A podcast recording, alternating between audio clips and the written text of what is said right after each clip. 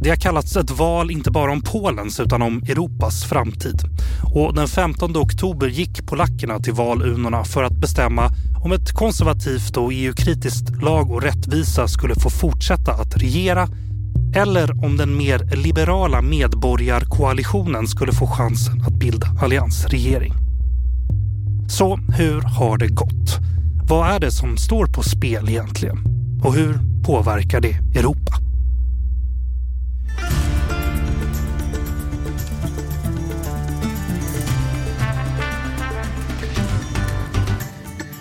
Du lyssnar på Utrikespolitiska institutets podd Utblick och jag heter Jonas Lövenberg. I söndags hölls det parlamentsval i Polen. Ett val som beskrivits som ett ödesval, både för Polen och för Europa. Men varför då? Och hur har det egentligen gått? För att hjälpa mig och er att förstå det här bättre har jag med mig Katarina Tublevich, journalist, författare och översättare. Välkommen till Utblick. Tack så mycket, härligt att vara här. Jag har med mig Nicolas Eilot, programchef för Europaprogrammet vid Utrikespolitiska institutet. Välkommen tillbaka till Utblick, Nick. Tack så mycket. Och jag har med mig Peter Jonsson, journalist och författare. På länk hela vägen från Warszawa, där du faktiskt tidigare även bott under många år. Välkommen med Peter. Tack så mycket. Vi ska säga också att vi spelar in på tisdagen efter valet här. Så det är inte säkert att allt har hänt som kan hända innan ni hör det här på fredagen, men vi kommer ändå lära oss mycket av det här samtalet tror jag och försöka ge en god översikt över vad som står på spel och varför det här är så viktigt. Så vi börjar som vanligt med att försöka ge lite kontext. Peter, vad är Polen för land idag? Ja, det är ju ett relativt stort land i Europa med närmare 38 miljoner invånare och ett land som ligger ifrån oss andra sidan Östersjön. Och ett land som under många, många år har varit ett ganska centralt land i politiken inom Europapolitiken. Och vad är det polackerna väljer när de går till val då, Nick? Just på det här tillfället är det parlamentet, den mm. underhuset i, i parlamentet. Men Polen har ett politiskt system som tillhör kategorin parlamentarismen. Och det innebär att uh, parlamentsval avgör vem det är som, som bildar regering. Och regeringen under premiärministern är nog den viktigaste politiska figuren i landet. Polen har en president också. Den här presidenten är långt ifrån symbolisk och maktlös. Han har viktiga befogenheter, men det är ändå premiärministern som leder regeringen som är den viktigare figuren. Och det är det som valet kommer att avgöra nu. Man väljer det polska parlamentet som består av två kamrar, en undre kammare som kallas för Sejmen och en övre kammare som kallas för senaten. I den undre kammaren sitter 460 ledamöter och det väljs med ett proportionellt valsystem medan i senaten där det sitter 100 ledamöter har man enmansvalskretsar och majoritetsval. Hur ser då en valsedel ut kan man undra? De är väldigt stora, de är väldigt, enorma. Ja, jag har sett dem, de viker ihop dem, eller hur? Ja. Så det ser ut som en liten dagstidning. Alla partier mm. finns på en och samma valsedel. Ah, Okej, okay, det är därför. Ja, vad spännande. Det är grundpremisserna här. Vi ska snart prata om eh, varför det här är ett så viktigt val, men vi ska också börja med att bara fråga hur ser det ut? Vem ser ut att ha vunnit i det här laget då, Katarina, nu på tisdagen? Ja, det verkar som att det är den demokratiska oppositionen som vunnit valet. Och jag kan säga att det råder verkligen eufori i landet. Och igår lyssnade jag till eh, ett samtal med Adam Michnik, legendarisk chefredaktör för tidningen Gazeta Wyborcza, som var också en av de ledarna av den alltså oppositionen under kommunismens tid. Och han sa följande ord, att det var i Polen där kommunismens fall påbörjades och nu är det populismens fall som påbörjades i Polen. Alltså, det kommer inte att vara så lätt för det är fortfarande så att det parti, alltså högernationalistiskt parti som har haft makt i Polen under de senaste åtta åren. Partiet heter Lag och rättvisa de har alltså vunnit på det sättet att de har fått mest röster. Men de har ingen majoritet i parlamentet och de tre oppositionella koalitioner har fått så många röster att det är säkert att de kommer att bygga en regering fast det kan ta tid. För förmodligen börjar det så att presidenten som kommer från partiet Lag och rättvisa får... Får chansen att bilda regering. Ja, ja. ja. Men, men de kommer att misslyckas. Mm. Så, så det har hänt goda saker i Polen. Mm. Men och, då måste jag fråga, vilka är då det största partiet i den vinnande koalitionen? Partiet heter Plattforma Obywatelska på polska, Medborgerlig plattform. Och dess ledare är en väldigt känd politiker, internationellt känd. Han heter Donald Tusk och han var ordförande för Europarådet och han var tidigare Polens premiärminister och själva partiet från början var ett liberalt konservativt parti.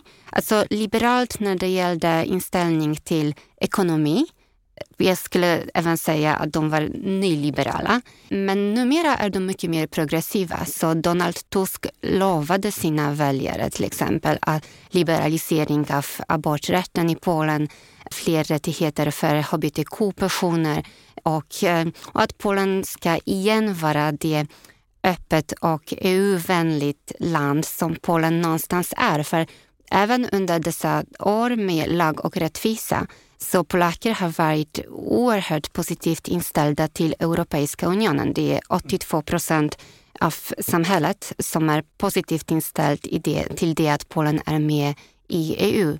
I Sverige är det 62 procent. Mm.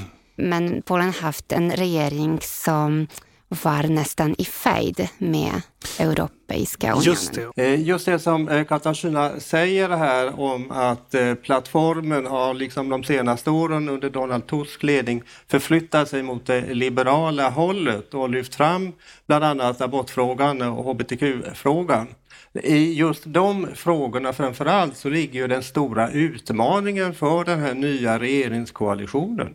Det är Donald Tusk och plattformen gick till val bland annat på de frågorna och eh, en av grundanledningarna till att de demokratiska partierna, demokratiska oppositionen kunde vinna med det här relativt stora antalet mandat berodde på att man lyckades mobilisera de unga väljarna och inte minst de unga kvinnliga väljarna med bland annat de här frågorna. Och det är frågor som är absolut omöjliga förmodligen att driva igenom i det nya parlamentet. Av den anledningen att två av de här tre koalitionerna av partierna, det gamla bondepartiet och ett parti som heter 2050, är emot detta.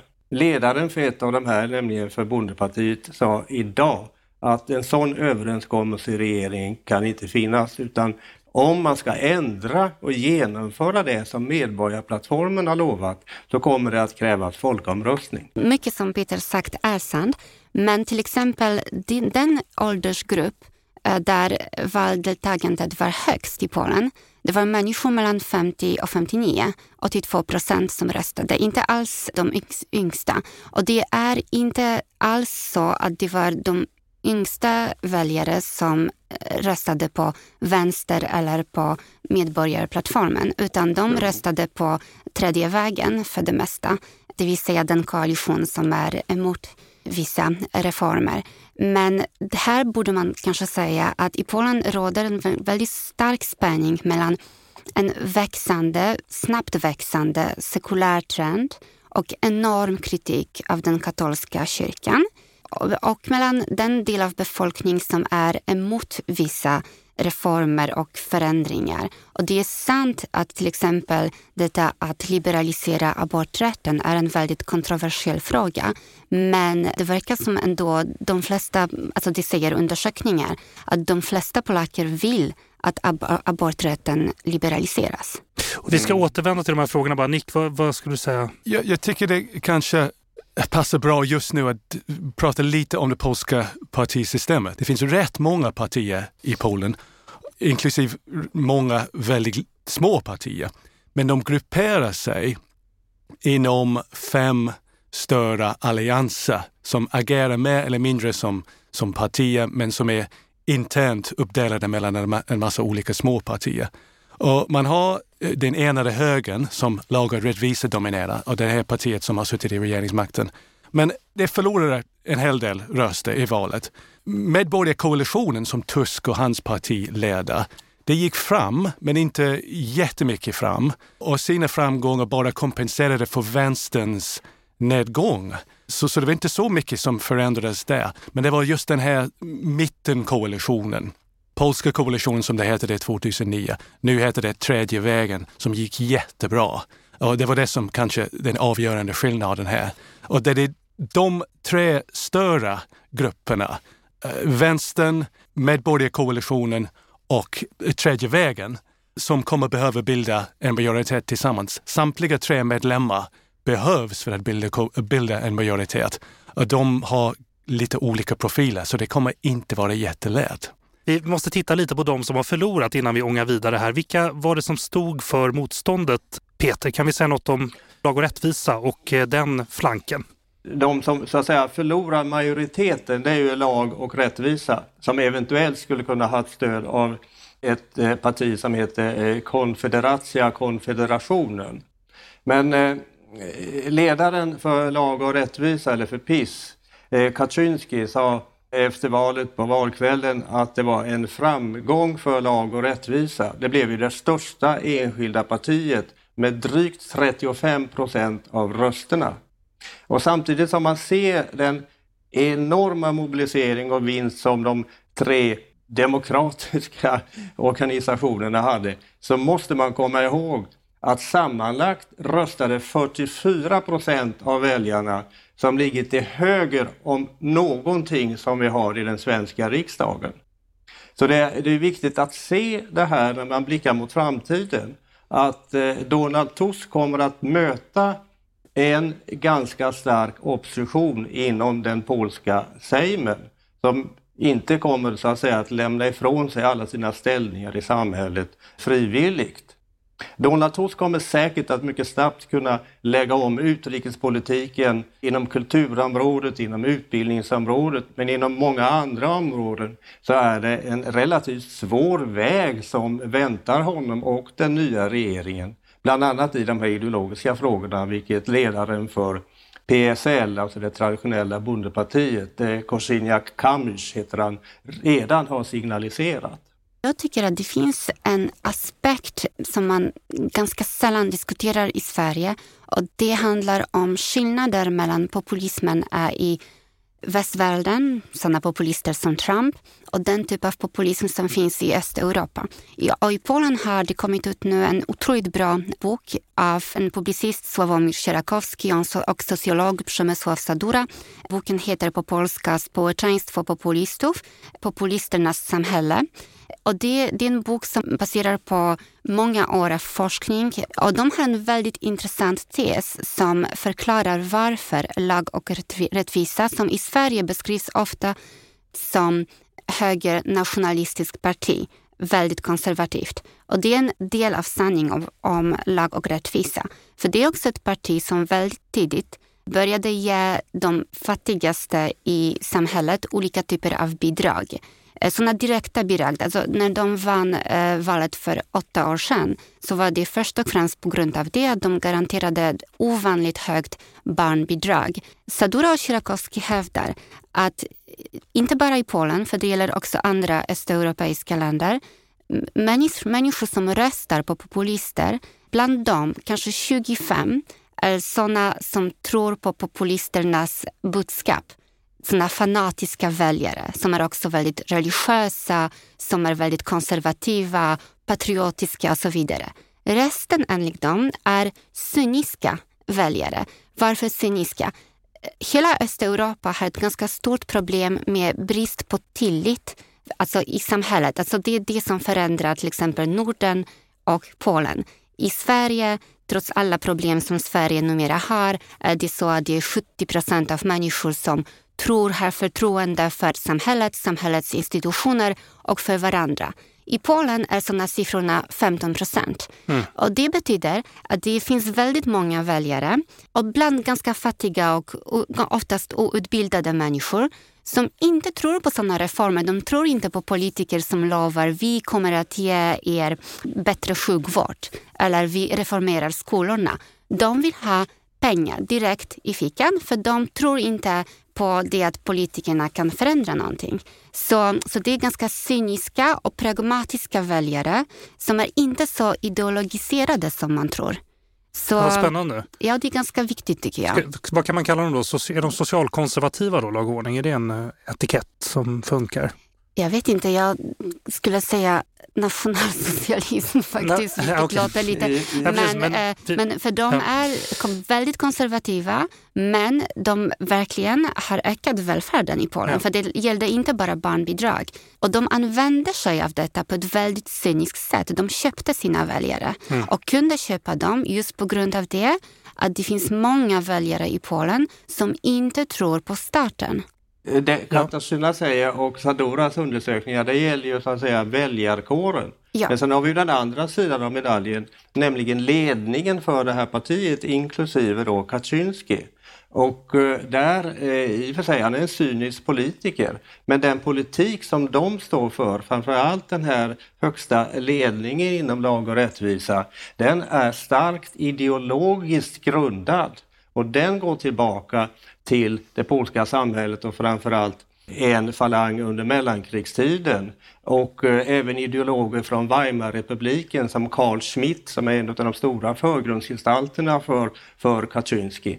Så den politik som lag och rättvisa i grunden står för, den är minst sagt starkt nationalistiskt och högerbetonad och ideologiskt grundad. Ja, det är sant och också xenofobiskt och eh, ja fientligt mot allt som är modernt och annorlunda. Hörrni, vi måste trilla vidare lite här för att hinna med allting jag tänkte vi skulle prata om. Och det kanske är det jag ska fråga, Nick. Hur har själva valet fungerat? Man pratar ju om free and fair elections. Kan vi ta ställning till de två begreppen här? Min bild i alla fall ja. Eh, är att eh, valrörelsen har varit inte helt rättvist. Men demokratin har fungerat nästan per definition för den sittande regeringspartiet har förlorat makten, nästan säkert. Och varför har den inte varit rättvist? För den sittande regeringen har haft möjligheten att påverka den offentliga debatten på sätt som inte skulle betraktas som särskilt legitimt i andra länder. Så kontroll över public service, radio och tv till exempel har utnyttjats för att uh, kritisera oppositionen och att försvara och berömma eh, den sittande regeringen. Så det är ett exempel. Eh, ett annat exempel var att regeringen ordnade fyra folkomröstningar som ställde väldigt ledande frågor till regeringens fördel, som den hoppades i alla fall, och till oppositionens nackdel. Och det var också en slags taktik som var cynisk och, och skulle inte betraktas som legitimt i andra länder. Men trots allt har den polska demokratin uppenbarligen fungerat. Så eh, det, det ska man ha i åtanke när man diskuterar hur, hur, må, hur mår den polska demokratin. Det, det funkar. Ja, och det, här, det är väl också delar av den här kontrollen över massmedia och även att man har lyckats köpa privata titlar, också kontrollera dem som är en del av kritiken som EU har mot Polen. Och mm. så. Och till det Nick säger så kan man lägga till att eh, lag och rättvisa också i stor utsträckning använde statliga medel för att driva valkampanj, till och med innan den officiella valkampanjen inleddes. Skulle vilja bara lägga till att ja. det är nästan svårt att föreställa sig för en utomstående person som inte kan polska hur politiserade statliga medier blivit. Alltså det, har blivit alltså det var en ren propaganda som för en ganska objektiv tittare kunde vara till och med skrattretande. Men man ljög, bokstavligen ljög på polsk kanal 1 och kanal 2 TV och statlig radio. I Polen finns det naturligtvis också privata oberoende medier. Så debatten fanns och de som ville få objektiva nyheter kunde få dem. Men det var väldigt många människor som påverkades stort av, ehm, ja, av det att statliga medier har blivit eh, regeringens alltså propagandamegafon. Jag håller helt med det som Katarzyna säger. Jag har ju följt eh, tv-kampanjen i, också i den officiella tvn hela tiden. Det är så absurt så det är svårt att förklara för en, en svensk. Men vad som är intressant det är att en viss korrigering och ändring skedde redan igår efter att den första vallokalsundersökningen hade ägt rum i den statskontrollerade eller partikontrollerade televisionen. Där Danuta Holecka som ju har varit en av de här, stora eh, företrädarna för PIS propaganda plötsligt har en helt annan ton. Och när jag tittade på det som heter TVP Info, alltså en av de här statskontrollerade, partikontrollerade kanalerna, så är den redan idag lite mer modererad och anpassad så att säga till den nya politiska situationen. Men beror det på att folk vill behålla jobbet eller att någon har tagit eh, stöven av nacken på de här som arbetar där? Eller hur, hur, funkar, vet, hur funkar, det? det? det? är en bra fråga. När man tittar på Danuta Holecka så kan man få nästan intrycket av att hon kämpar för att försöka på något sätt behålla.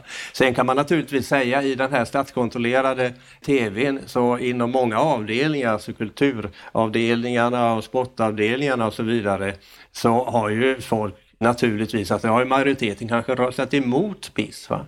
Så det är väl ett relativt fåtal personer så att säga som måste bytas ut för att man ska få en annorlunda public service i Polen. Mm. Men det, det, pågår redan idag ett försök att anpassa sig till det nya politiska läget. Och man kan lägga till att också statlig förvaltning, alltså statliga institutioner är väldigt politiserade i dagens Polen. Alltså dessa åtta år har förändrat Polen i grunden. Så det positiva i allt detta är hur starkt det polska civilsamhället är. Mm. Att man ändå eh, röstat på oppositionen trots att förutsättningarna var väldigt, väldigt orättvisa. Hur har valet sett ut demografiskt och vem har röstat på vad, Nick? Den här valrörelsen har eh, avspeglat en väldigt polariserad väljarkår i Polen. Eh, och, och, den här polariseringen vilar på eh, olika dimensioner, men en sådan är mellan stad och landsbygd. Och det är en klyfta som vi ser på lite olika sätt i en massa europeiska länder att de som är kanske lite bättre utbildade, väl, bättre, mer välmående, som bor i storsta, storstäderna, de brukar ha en viss uppsättning av värderingar som inte riktigt passar ihop med de som man har som, eh, som bor på små, småstäderna ute i, i, i landsbygden. Och den här klyftan mellan, mellan ekonomiska intressen men kanske framför allt värderingar ser vi väldigt tydligt i Polen, men också andra europeiska länder som sagt. Det är väl något som, en tendens som syns i hela Europa? Vi ser det i Nordamerika också, så det är ja. långt ifrån en unik polsk fenomen. I Polen finns det också regionala skillnader. Alltså den mm. östra delen av Polen som är i övrigt fattigare och röstar på lag och rättvisa. Och eh, den västra delen av Polen är mer som Västeuropa. Och dessa skillnader speglar också djupa historiska klyftor mellan olika delar av Polen som har att göra bland annat med det att Polen var under 1700-talet och 1800-talet uppdelat eh, mellan tre stora makter och fanns inte på kartan som ett land.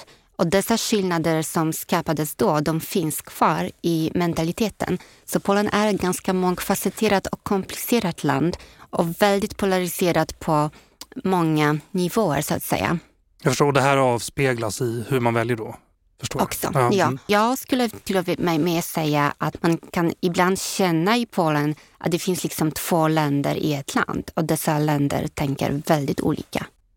Vi kanske ska säga något om valdeltagandet också. Det var ju alltså samma 74 procent i landet i sin helhet utav väljarkåren som gick och röstade. Det är alltså det högsta valdeltagandet någonsin i något val sedan kommunismen föll i Polen. Och vad som där är intressant är ju också att i Warszawa så röstade ju 85 procent.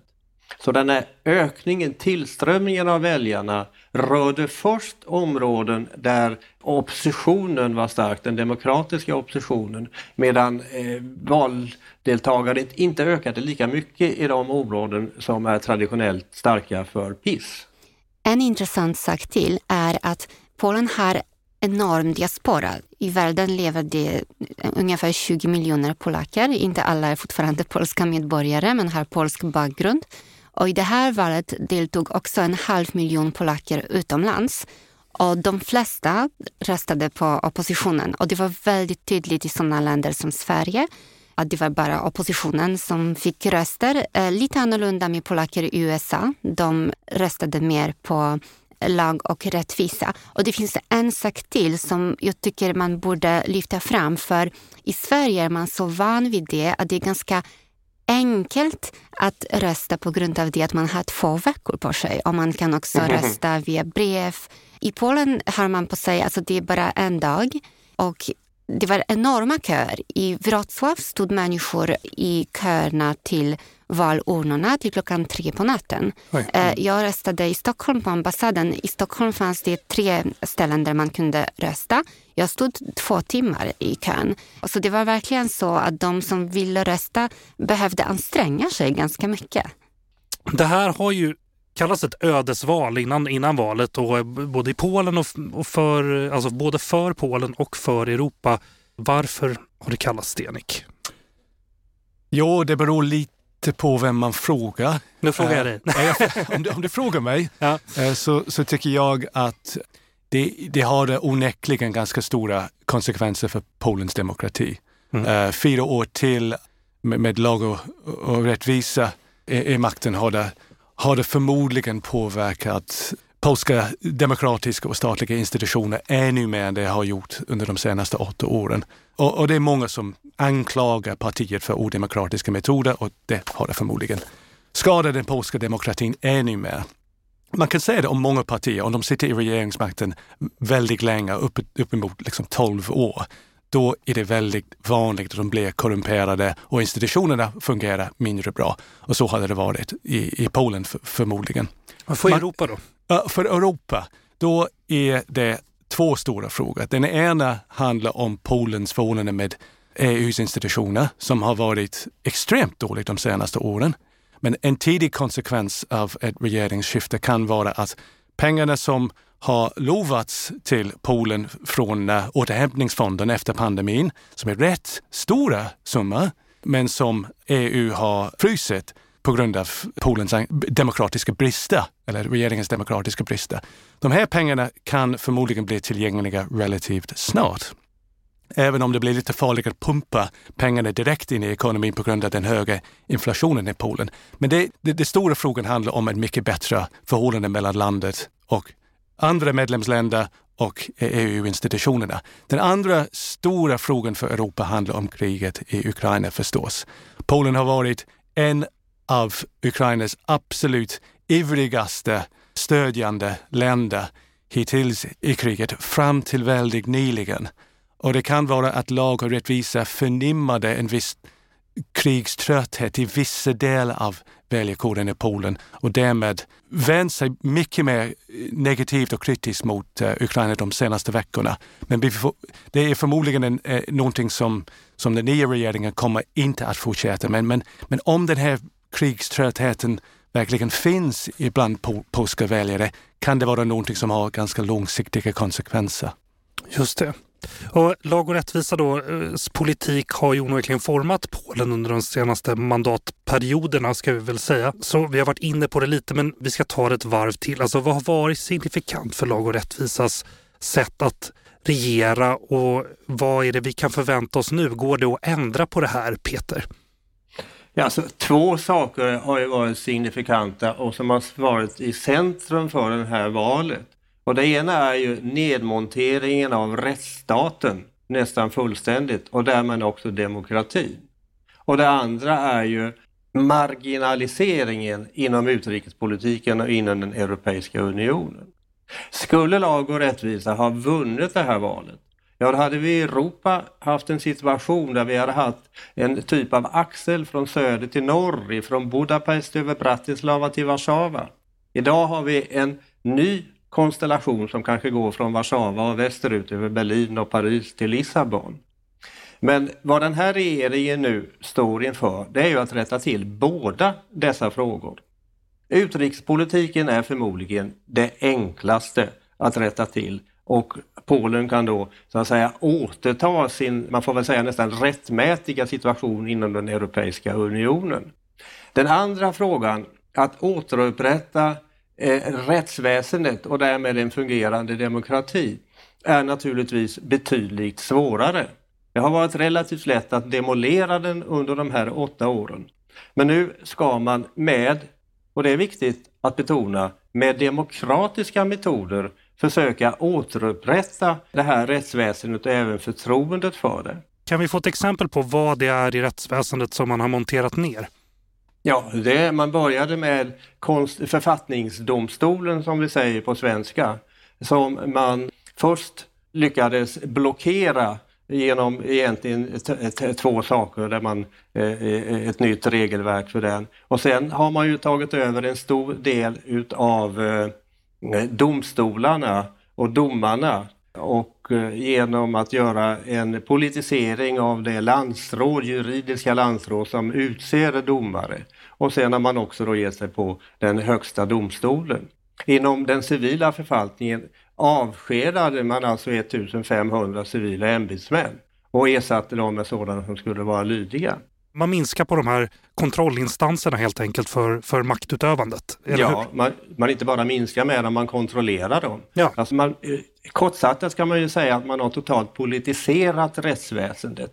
Och tidigare, efter kommunismens fall, så var man ju också tvungen att bryta ner det kommunistiska systemet och bygga upp ett nytt eh, demokratiskt rättssystem med en klar skillnad mellan dömande makt och så vidare.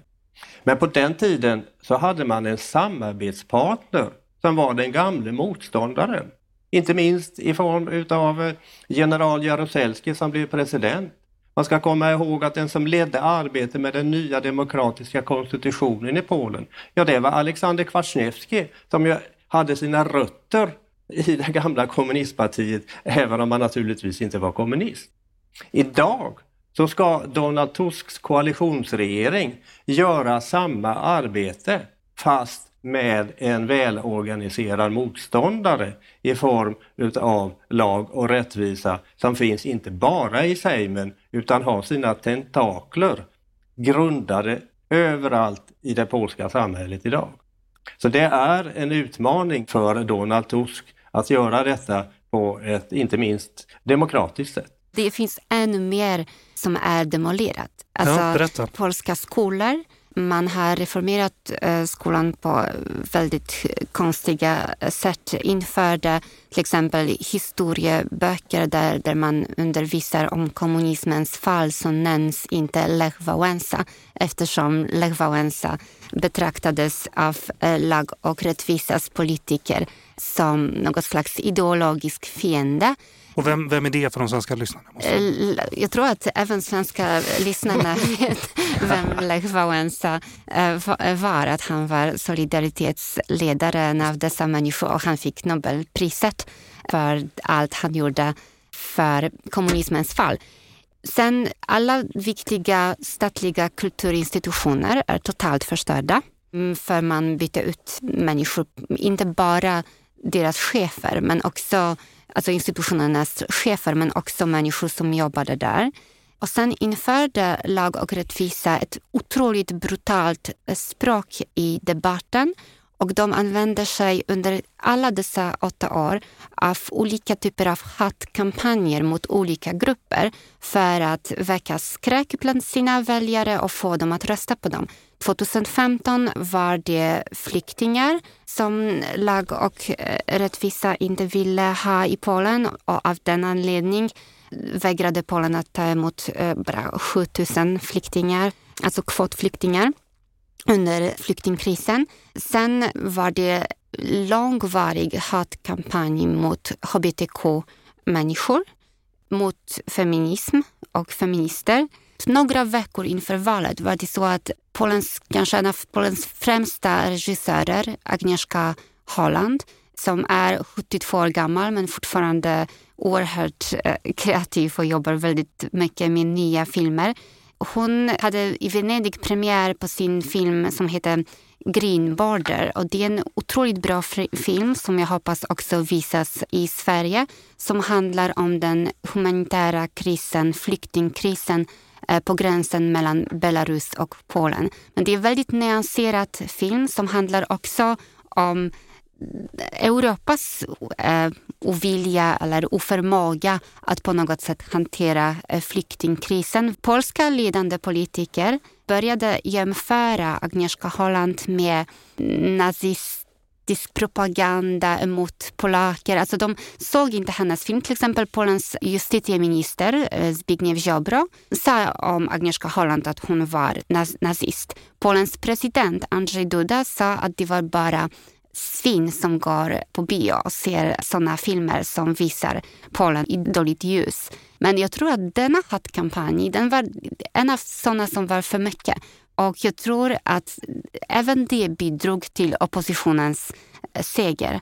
För lag och rättvisa, har, alltså de, de var kanske inte på det sättet från början men de blev väldigt snabbt korrumperade av makten och använder sig just av hat som något slags eh, verktyg att regera. Alltså jag håller med allting som eh, Katarzyna säger och man kan bara tillägga att vad gäller Agnieszka Holland så gick det så långt med hatkampanjen att hon fick ha vakt dygnet runt och ja. att hon till slut tvingades lämna landet på grund av hatkampanjen.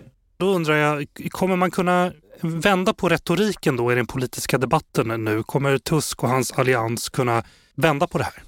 Det är ytterligare en, en svår fråga för dem. Han har ju sagt hela tiden under valkampanjen, Tusk har haft en helt annat tonläge, en helt annat sätt att diskutera än vad Lag och rättvisa har haft med sin hatkampanj.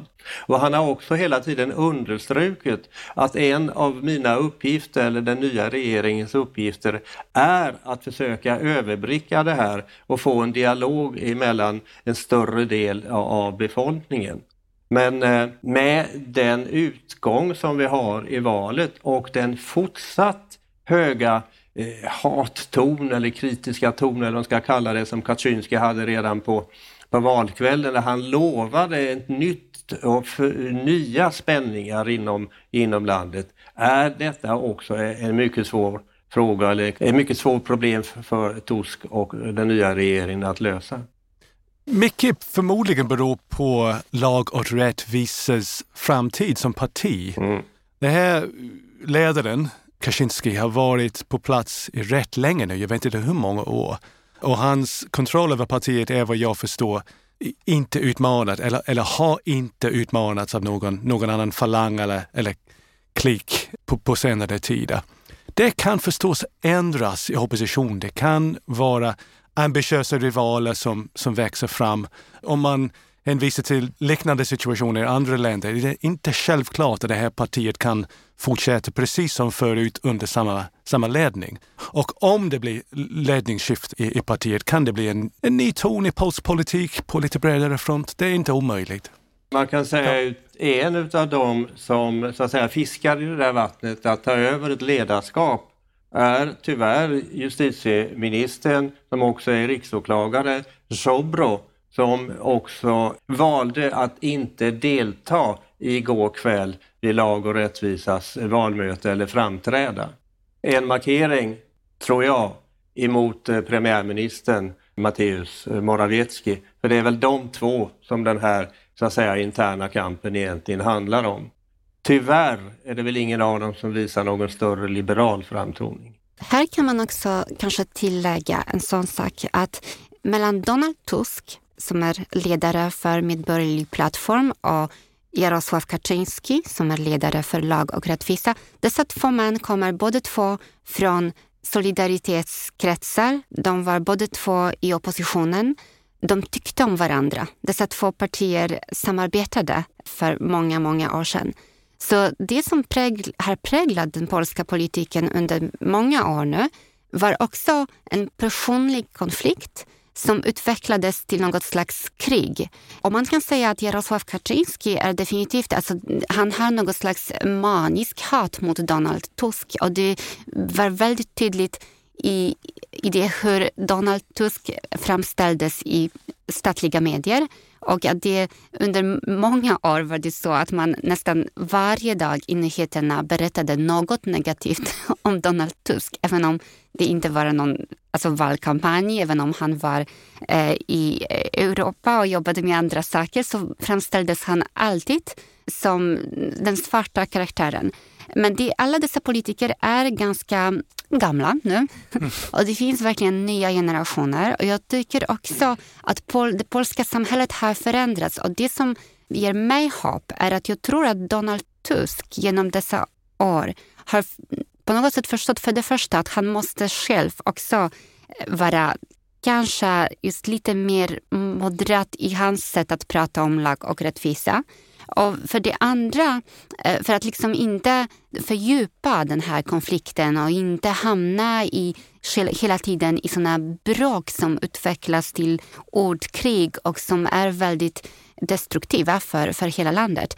Men jag tror att han också insett betydelsen av att försöka få Polen att bli mer egalitärt. Vi har redan pratat om det, att en av anledningarna varför lag och rättvisa kom till makten var att de människor som röstade på dem var de som kände sig marginaliserade, de som inte vunnit på transformationen 1989, de som var fattiga. Dessa människor har fått nu ganska mycket hjälp från staten. Så om man fortsätter med det och Donald Tusk lovat att inga bidrag försvinner och att de fortsätter att liksom ge stöd mm. åt de svagaste i samhället så tror jag också att det kommer att förändra den politiska kartan i Polen. Vad spännande. Jag tror, du, jag tror du har rätt. Va? Det betyder också det att för oppositionen kommer att vidta de här åtgärderna för att förbättra det här klimatet och därför kommer om det lyckas eller inte i större utsträckning bero på hur lag och rättvisa och lag och rättvisa politiker kommer att agera i, i, i framtiden, i fortsättningen. Det är väldigt spännande här, men vi ska också försöka ta ett lite bredare perspektiv. Vad innebär valresultatet för Polens plats i Europa lite mer långsiktigt? Vi har ju sagt någonting kort om det den kommer ju att eh, förändras när man också ifrån Europas sida eller EUs sida kommer att se annorlunda på Polen. Polen har ju en stor möjlighet så att säga att återta den rättmätiga roll som man en gång har haft, nämligen att vara en betydande spelare inom den Europeiska unionen och också vara med att medbestämma då om hur Europeiska unionen ska se ut i framtiden. Jag tror också att om de får fortsätta att regera, att det underlättar den kommande, en kommande utvidgning av EU, att ta in exempelvis Ukraina i EU. Därför att en utvidgning av den Europeiska unionen är ju enbart möjlig om man förändrar så att säga grundlagarna inom EU och har ett annat beslutsfattande och kanske en annan typ av institutioner. Och där skulle ju lag och rättvisa vara en hämsko. De skulle ju aldrig släppa det här vetot som man slåss för. Medan eh, den demokratiska oppositionen kan se, ha en annan framtidsvy om hur den Europeiska unionen ska se ut. Det kommer definitivt att underlätta en framtida utvidgning. Vad säger du Nick? Ja, eh, jag håller delvis med, även om det kan vara svårt för en polsk regering till exempel under Tusk eller någon som eh, liknar honom att gå med på långtgående reformplaner i EU för att underlätta utveckling om man blir säkert kritiserad från oppositionen för att sälja ut landets intresse. Så det är inte garanterat att, att det hela polska, den nya polska regeringen kommer omedelbart att bli Tysklands bästa vän och Frankrikes bästa vän och underlätta utveckling på en gång. Det, det är kanske inte att vänta. EUs utvidgning står ju inte så att säga för dörrarna imorgon. Utan det var det långsiktiga perspektivet som jag tänkte på. Och, och, då är det förhoppningsvis till och med Kaczynski av åldersskäl borta ur det här politiska spelet. Okay. Annars så, du, du har ju rätt där va, att eh, han, eh, en sån politik kommer att möta på motstånd från delar av, av framförallt från lag och rättvisa då med de argumenten. Men på lång sikt så tror jag att det här underlättar eh, en sån utveckling om de får vara kvar att regera. Ja, eh, den andra stora frågan som jag skulle nämna handlar om eh, säkerhetspolitik. För Polen har börjat investera i sin försvarskapacitet, försvarsmakt på ett väldigt, väldigt hög takt. Enormt stora summor har, har pumpats in till militären. Och samtidigt har Polen verkligen jobbat på att cementera sitt förhållande med USA. Så USA betraktar nu Polen som en av sin absolut främsta allierade på, på den europeiska kontinenten. Mycket kommer att eh, bero på hur länge och hur mycket USA är engagerade i Europas säkerhet framöver.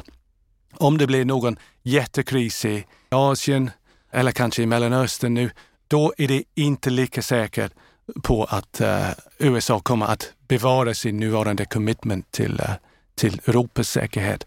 Det kan bli en förväntan att uh, Europa måste axla mer ansvar själv.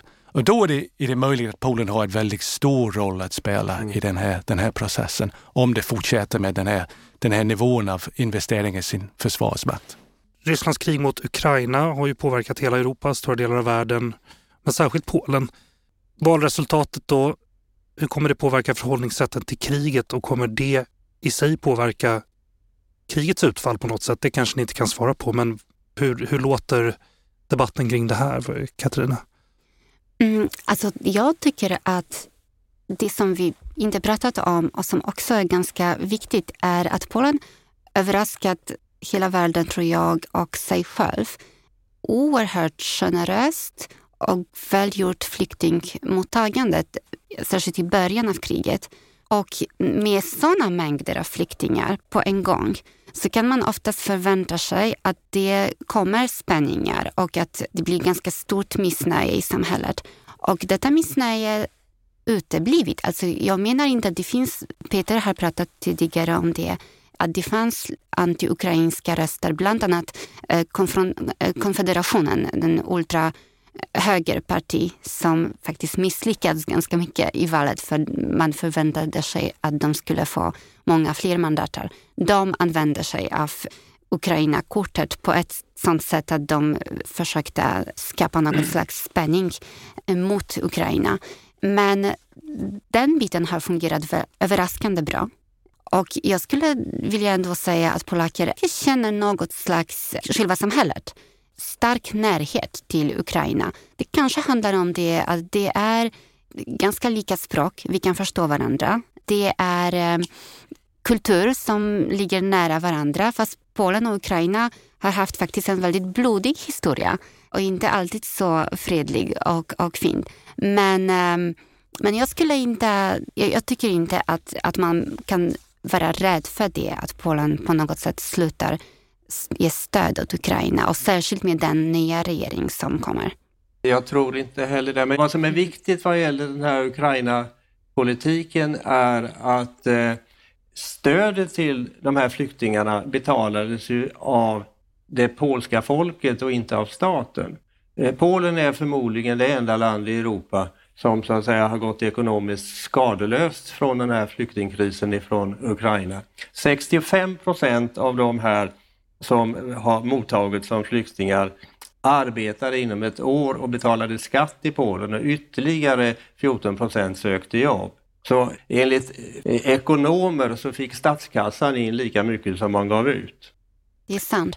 Men, men här kan man också tillägga att det intressanta med Polen var att det var det polska civilsamhället igen ja, som tog hand om flyktingar. Det var inte statens institutioner. De gjorde ingenting emot, men det var privata personer som hjälpte flyktingar. Jag vet mycket väl om detta. Alltså så fungerar det. Att, eh, och det kostade ju pengar för civilsamhället. Men vi hade två ukrainska familjer i vår lägenhet i nästan ett år.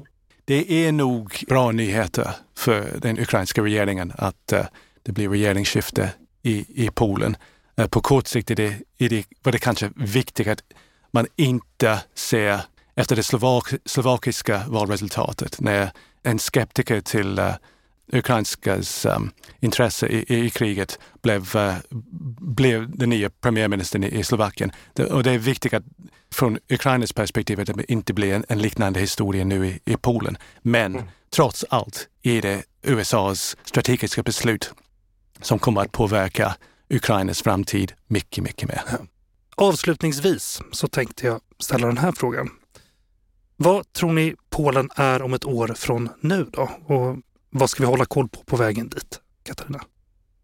Mm, det är lite svårt att säga, för jag, jag tror att alla dessa reformer som många människor hoppas på kommer att ta tid.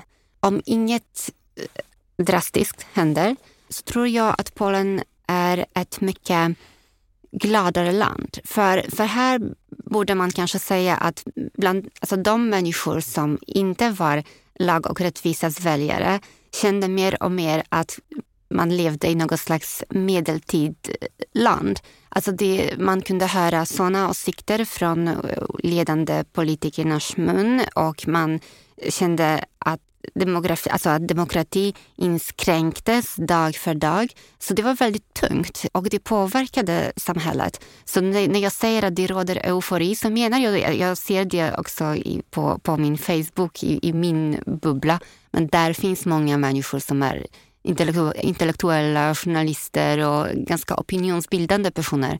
Och alla jublar och bara är glada. Sen vet vi, vi, vi är medvetna om det, att det kommer att ta tid att bygga en regering. Vi vet inte om presidenten Andrzej Duda inte blir en bromskloss för reformerna, för han, han har vetorätt. Så han kan påverka hur, vad händer med, med lagstiftningen. Men jag är ändå hoppfull. Jag, jag tycker att um, det, något, något väldigt positivt har hänt och det kanske påverkar också Europa på ett bra sätt. Just det, jag vill bara säga en sak till. Det som jag har märkt under dessa mörka åtta år är att jag tycker att det finns um, något något som brister i EU-samarbete. Uh, på det sättet att när ett land går åt ett sånt håll som Polen gick, som Ungern fortsätter att gå, så slutar man på något sätt intressera sig eh, för liberala krafter där.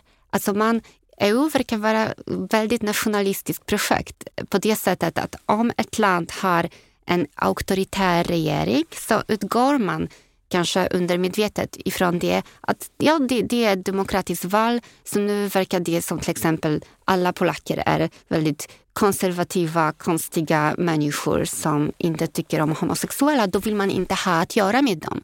Så jag, jag skulle vilja säga att jag tror att under kommunismens fall var intresset till exempel från Sveriges sida eh, för dåvarande dissidenter, oppositionella journalister eller författare större än det varit för oppositionen i Polen, särskilt opinionsbildande människor som var i opposition från till exempel Sveriges sida. Men det gäller också Europeiska unionen.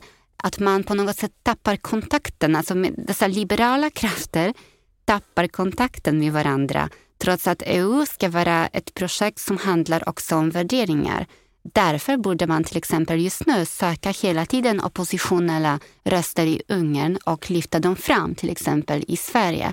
Och det kan man kanske lära sig från Polens exempel, att man ska inte dra för snabba slutsatser om det att nu har det här landet svikit oss alla och inte längre är demokratiskt. För så tänkte man om Polen för till exempel ett år sedan. Polen som kallades för nio år sedan Östeuropas tiger eh, blev ett land som, alltså något skamligt hålla där alla kanske var hemska eh, högerpopulister. Och det var bara regering och regeringens väljare och väldigt många otroligt frustrerade människor som ville ha demokrati tillbaka. Peter, vad säger du? Vad tror du Polen är om ett år från nu och vad ska vi hålla koll på på vägen dit? En sak som man helt säkert kommer att lyckas med det är att förbättra och återställa relationerna med den Europeiska unionen. Man kommer att, eh, vilket i och för sig kräver att man har påbörjat åtminstone reformen att återställa ett eh, civilt rättssamhälle. Vilket också innebär att alla dessa pengar som man idag inte får kommer att pumpas in i den eh, polska ekonomin. Vilket är viktigt för att den nya regeringen inte ska hamna i ekonomiska svårigheter, vilket annars skulle ha varit fallet redan nästa år. Hur långt man kommer med de olika reformerna under loppet av ett år vågar jag inte svara på. Men de blir förmodligen åtminstone påbörjade. Men nummer ett är att man kommer att återta sin ställning inom den Europeiska unionen relativt snabbt. Och Nick, vad säger du? Får jag punktera den ja. euforiska stämningen ja. lite grann? Okay. Det, det blir uh, förmodligen om ett år en mindre isolerad medlemsstat i EU. Det är en sak. En annan sak är att uh, det blir förhoppningsvis en mindre polariserad samhälle i Polen och en mindre polariserad samtal, politiska samtal i Polen. Men de tre partierna som tillsammans har ett majoritet i parlamentet nu och förmodligen gissningsvis kommer att bilda regering tillsammans. De är nog väldigt olika partier. Vi har ett vänster mm. allians, vi har eh, medborgarplattform någonstans i, i mitten och den här bondepartiet som är en element i tredje vägen. Och um, vi lever i tuffa tider med hög inflation och en krig som pågår. Och um, man får lite ekot av det som man har sett i Tyskland med tre olika partier som bildar regering tillsammans och visar sig att ha väldigt svårt att komma överens om många saker och som har lett fram till en ganska hög grad av impopularitet bland, bland väljarna. Så det är inte omöjligt att, att säga att den här smäckmånadsperioden som nya regeringar ofta har blir ganska kort i Polen. Men kanske jag är lite för pessimistisk där. Vi får se. Ja, men du har förmodligen rätt, för det är polsk riksdag. Det är det som... Eller hur? Eh, Polen är jag... ett sånt land. Mm. Mm. Om man säger då ett år så tror jag man kan sammanfatta det som Nick säger att under det här året så kommer skiljaktigheterna att utkristalliseras mellan de olika partier och grupperingar som finns inom den nya regeringen. Ja.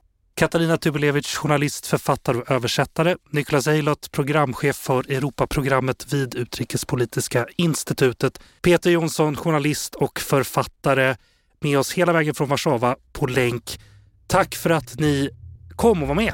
Tack så mycket. Tack själv. Tack. Nu har du lyssnat på Utrikespolitiska institutets podd Utblick. Glöm inte att trycka på prenumerera-knappen i appen där du lyssnar på oss. Om du vill veta mer om UIs forskning och omvärldsbevakning, titta in på ui.se. Vår vignett är komponerad av Friden Frid och vi spelar in hos Red Means Go och i kontrollrummet idag sitter Kyle Rosén. Jag heter Jonas Lövenberg. På återhörande.